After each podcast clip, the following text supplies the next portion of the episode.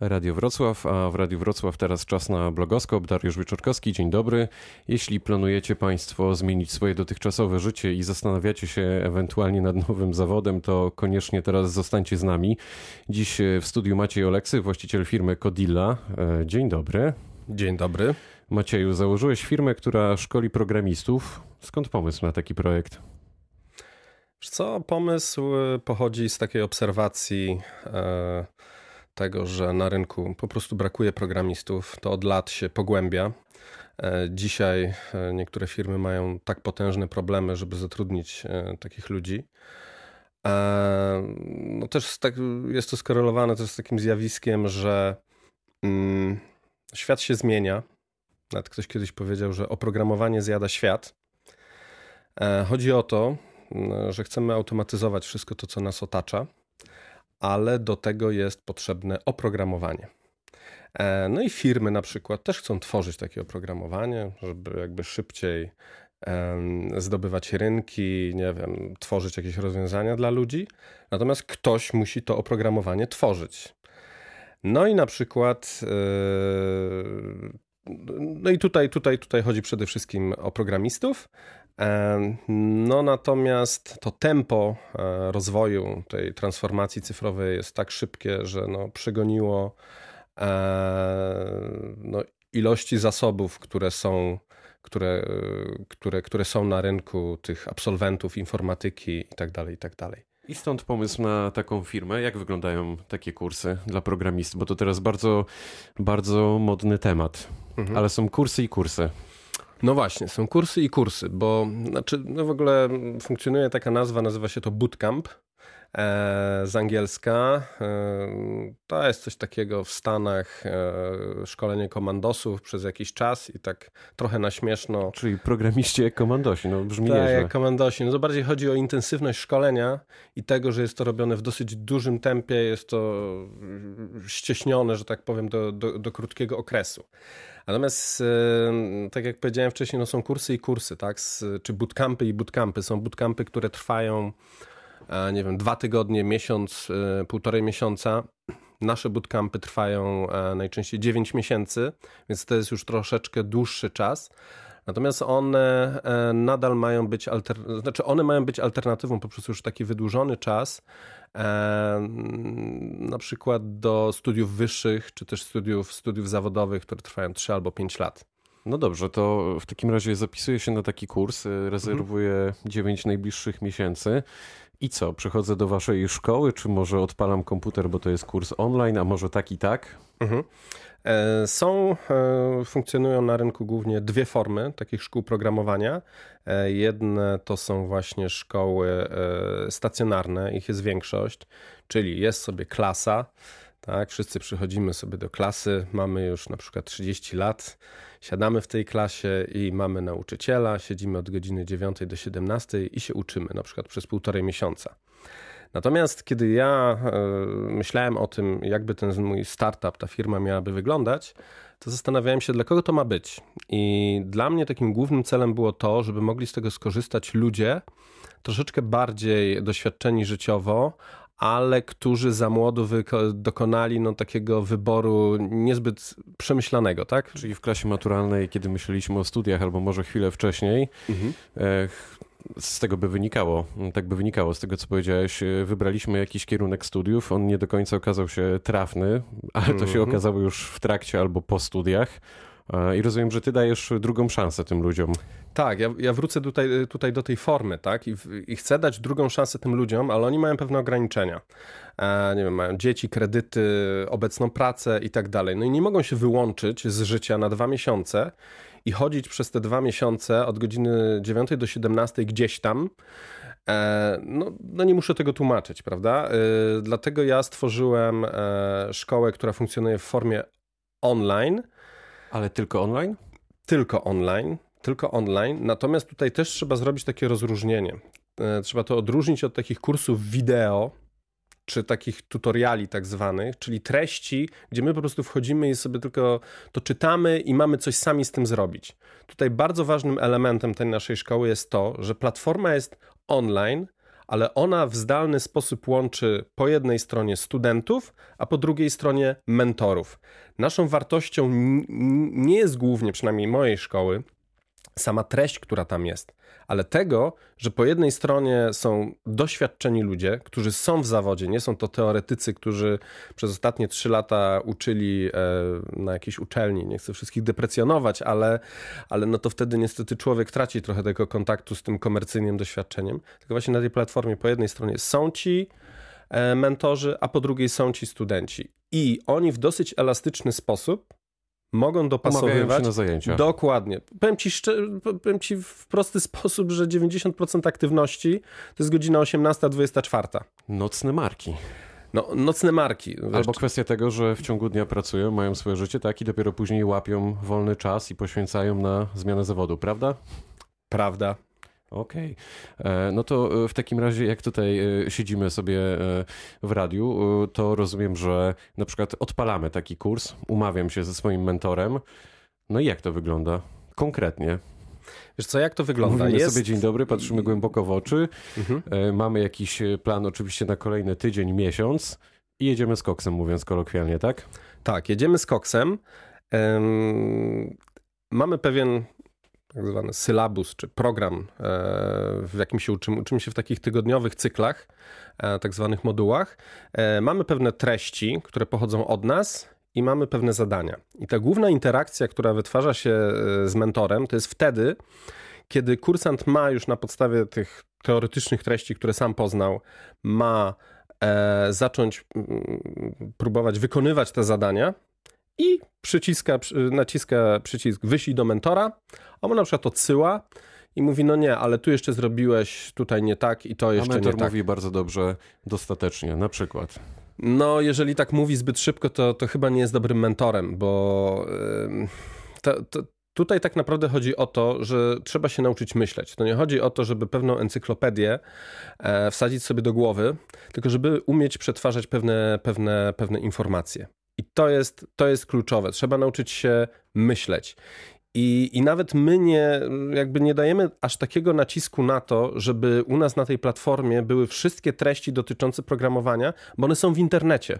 My uczymy tych ludzi jak zadawać pytania, jak googlować, bo tutaj wtrącę, że 50% e, czasu programisty to jest no, szperanie po internecie i szukanie analogicznych rozwiązań. To jest korzystanie z tego, a nie, że my mamy grzecznie czegoś się nauczyć, jakiejś książki, w cudzysłowie, i, I później mówimy, tak, nauczyłem się. Nie, nie, tu jest cały czas Chociaż praca czegoś na pewno się trzeba nauczyć, jakby Oczywiście, no jakiś tam background, czyli jakaś tam podstawowa wiedza, żeby no, operować jakoś sprawnie jest niezbędna. Kto jest, przychodzi jest na takie kursy? Na takie kursy, e, jeśli chodzi o jakie by tutaj kryteria, na przykład płci. Nie, może wieku na początek. Wieku, wieku, no właśnie, wiek tu jest chyba najistotniejszy. E, to jest 25-35 e, lat. To jest ten przedział. Pytam, bo obiecałem Piotrkowi Osowiczowi, który za kilka minut wejdzie do studia, czy ma jeszcze przed sobą jakąś alternatywę. Jest trochę starszy. Rozumiem, że starsi też wchodzą w grę też wchodzą w grę. E, no natomiast, e, że tak powiem, z wiekiem, no ja sam mam 40 lat i, i, o, i widzę, stary. I widzę, I widzę, że adaptacja wiedzy czasami e, no, przychodzi mi już, mi już trudniej, tak? Natomiast to jest trochę tak, że w Polsce rzeczywiście no, rzadziej się spotyka, no nie wiem, jakichś starszych informatyków, programistów i tak dalej. Znaczy, no, generalizuję mocno tutaj w tym, w tym przypadku. Natomiast na przykład w Stanach Zjednoczonych programiści, którzy mają 50 kilka lat, to nie jest nic niezwykłego tak podejrzewam. I, tak, i ja mam nadzieję, że e, no to kiedyś gdzieś tam do nas dojdzie taka, e, taka fala. A jeszcze a propos znajomego, to jakby jak najbardziej zapraszam, żeby e, spróbować się. Można wykonać na początku, bo pytałeś też, no, jak to się zaczyna. Test predyspozycji, Czyli rozwiązujemy formularz, ciach. Tak, ale ten test predyspozycji ten powiedział, że to jest 10% sprawdzania. Najlepsze no to, się trochę to... boję o Piotrka, ale może kontakt taki sam na sam e, wtedy e, jakoś pokazałby mm, jego prawdziwą e, twarz i predyspozycję. Co po takim kursie? Mija 9 miesięcy, wy w tak zwanym międzyczasie już pewnie wiecie o tym danym zawodniku trochę, czy czy przed nim faktycznie ta droga programisty... Czy rokuje. Tak, czy rokuje, mówiąc wprost. Mhm. Pomagacie znaleźć pracę? Tak, pomagamy znaleźć e, pracę. Że tutaj się cofnę, że rzeczywiście my po drodze już patrzymy, czy ktoś rokuje. Jeżeli nie rokuje, albo bo to po prostu nie jest jego bajka. On tego najczęściej to jest tak, że ta osoba po prostu, tej osoby to nie interesuje. To nie jest już To może jeszcze pytanie, ta, tak zwane podpytanie w tak zwanym mhm. międzyczasie. Czy dużo osób odpada w trakcie? Eee, no, myślę, 10%, że, połowa? No, nie, myślę, myślę, że ponad, ponad, ponad 20%. To dużo. No, dosyć dużo. Yy, A to... odpadają właśnie, bo, bo, bo się okazuje, że jednak to nie jest to, czy może to tak, oni e, albo wprost mówią, że to ich, to ich nie rajcuje. To nie jest kwestia tego właśnie, czy oni mają predyspozycję, czy po prostu oni tego nie chcą robić. Bo dla mnie osoba, którą to kręci, najczęściej ma te predyspozycje. Natomiast są też tacy, którzy jakby w sposób uświadomiony nie są w stanie powiedzieć, że ich to nie kręci. Natomiast mają bardzo dużo wymówek, żeby czegoś na przykład nie robić, bo się na przykład czym spóźniają do mentora, żeby zgłosić rozwiązanie jakiegoś no jak to w szkole, tak no nie zawsze to zadanie domowe na czas odrabiamy. No, wiesz co, czasami mam rzeczywiście wrażenie, że to jest e, niewiele się różni od tego, e, co jest u mojej córki w szkole w podstawówce, tak? I, i, to, i to czasami tak wygląda i i też czasami staramy się stosować jednak pewien duży poziom asertywności, żeby powiedzieć: Słuchaj, stary.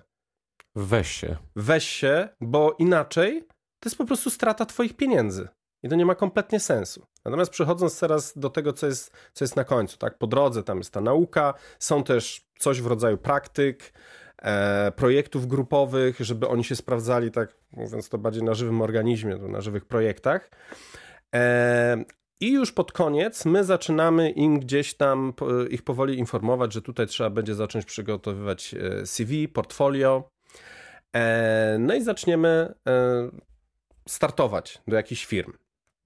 E, tutaj nasi doradcy też bardzo mocno sprawdzają ludzi, znaczy sprawdzają, no, rozmawiają z nimi, czy oni też w kontekście miękkich predyspozycji spełniają rolę, bo jeżeli człowiek e, no super programuje, ale no nie bardzo widać, żeby nadawał się do pracy w zespole, no to może być problem, bo dzisiejsi programiści powinni potrafić e, pracować, umieć pracować w zespole. No i co? I nasi tacy doradcy HR, my ich nazywamy, załatwiają, pomagają e, załatwiać jakieś rozmowy e, rekrutacyjne.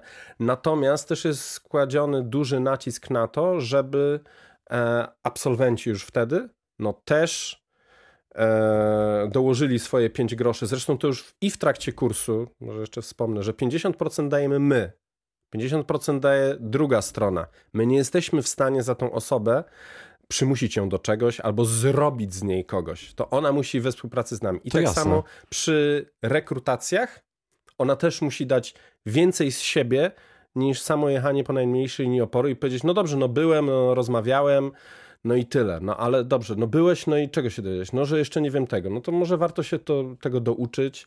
Tak? Czyli trochę też kołczujecie. A powiedz, tak. śledzicie e, losy tych e, swoich podopiecznych? Gdzieś po latach macie kontakt z nimi? Masz kontakt z nimi? Znaczy tak, firma nie, nie istnieje długo. E, niedługo to będzie 3 lata. Natomiast staramy się utrzymywać ten kontakt. E, kiedy tylko, kiedy tylko możemy, bo dla nas no, to jest niesamowity feedback, że możemy się dowiedzieć, że, tak, że ktoś dostał tą pracę i jest. Natomiast oczywiście czasami ludzie gdzieś tam przepadają w czeluściach internetu i, i my już nie jesteśmy e, w stanie gdzieś tam się do nich dobić i jakby, jakby nie naciskamy, tak, czy, czy ktoś już ma tą pracę, jakby o nas, o nas zapomina. Natomiast dla mnie to jest niesamowite przeżycie, kiedy oprócz tego, że wiem, że w kontekście biznesowym mój startup działa, to, że widzę te kilkaset osób i widzę, że ich życie się no, w bardzo istotny sposób zmieniło. zmieniło. na lepsze. No, chyba tak. Trochę jesteś takim świętym Mikołajem. E, o tym, że naprawdę brakuje rąk do pracy, świadczy chociażby informacja sprzed kilku dni. Jedna z firm zwróciła się do Was z prośbą o pomoc w sprawie przekwalifikowania swoich pracowników z różnych działów, naprawdę różnych działów na programistów. Mhm. Skończyło się happy endem? Tak, skończyło się happy endem, ale powiem Ci, że no, trwało to długo. Trwało to długo, mm, dlatego że są pewne stereotypy myślenia i powiem Ci, że największe stereotypy są w samym IT, w którym zresztą sam pracowałem kiedyś jako programista i stereotypy opory, nawet moi programiści. Jakie to stereotypy? To są takie stereotypy, e, że szkoły programowania są do, do bani. Tak? Że to w ogóle, że to nie ma prawa działać. E, natomiast no, to są takie opinie, no, ani, ani nikt nie rozmawiał z tymi absolwentami, ani nikt nie brał udziału w tym kursie. Wszystkie szkoły są wrzucane do jednego wora, tak, tak jak na przykład są różne uczelnie, tak? no, są lepsze i gorsze. Są bootcampy, które uczą dwa tygodnie, są które dziewięć miesięcy. Są takie, które uczą myślenia, są takie, które uczą tego, żeby, e, żeby, żeby rozmawiać. I te stereotypy Czasem być może y, bazują na tym, że jest pewne status quo, że ktoś uważa, że no nie wiem, że tu trzeba jakichś bardzo specjalnych predyspozycji i w ogóle niemalże namaszczenia, żeby zostać takim programistą. No i to jest, to jest dla mnie trochę krzywdzące myślę, myślenie, bo ja uważam, że każdy może spróbować, i to jest tylko kwestia, czy może to się stać jego pasją. Ja wiem, że nie każdy będzie programistą, ale wiem, że każdy może spróbować i troszeczkę się przybliżyć do tej zmieniającej się rzeczywistości. Natomiast wracając do tej firmy, e, w której żeśmy to robili, no to IT właśnie na początku generalnie twierdziło, że to nie, to nie może się sprawdzić. E, I już po pierwszym miesiącu gdzieś trwania tego kursu mówią, no i co, no i co, no to my chcemy przetestować. Słuchajcie, no ale to jeszcze, jeszcze parę miesięcy, tak? No dobra, dobra, czekamy, czekamy. I de facto dopiero po roku gdzieś tam złapaliśmy ponownie kontakt i dostaliśmy informację, że to się bardzo fajnie skończyło, że ludzie są, e, ci, którzy brali udział w tym szkoleniu, zadowoleni, ale to, co dla mnie było akurat w tym projekcie najważniejsze, to, że ludzie z IT powiedzieli, że ci, którzy do nich dołączyli, no rzeczywiście są... Coś potrafią. Tak, coś potrafią. Znaczy, programiści często zapominają o tym, że jak my uczymy kogoś, nie wiem, na przykład pół roku, to ja bym chciał zapytać programisty, który krytykuje takie szkoły, e, zapytać go, co ty potrafiłeś po pół roku? Tak? Szkoda, że nie możemy cofnąć się w czasie, żebym ja mógł posadzić tego swojego absolwenta i ciebie po pół roku, żebyście dostali jakieś zadania i mogli się porównać, bo mam wrażenie, że wielu programistów po prostu zapomina, e, jakie były początki. Zapomniał W, jak cielęciem był, powiedział no, e, tak. w zasadzie właśnie to Maciej Oleksy, firma Kodilla. Bardzo ci dziękuję za spotkanie. Dziękuję bardzo. Pytał Darek Wyczorkowski. Do usłyszenia.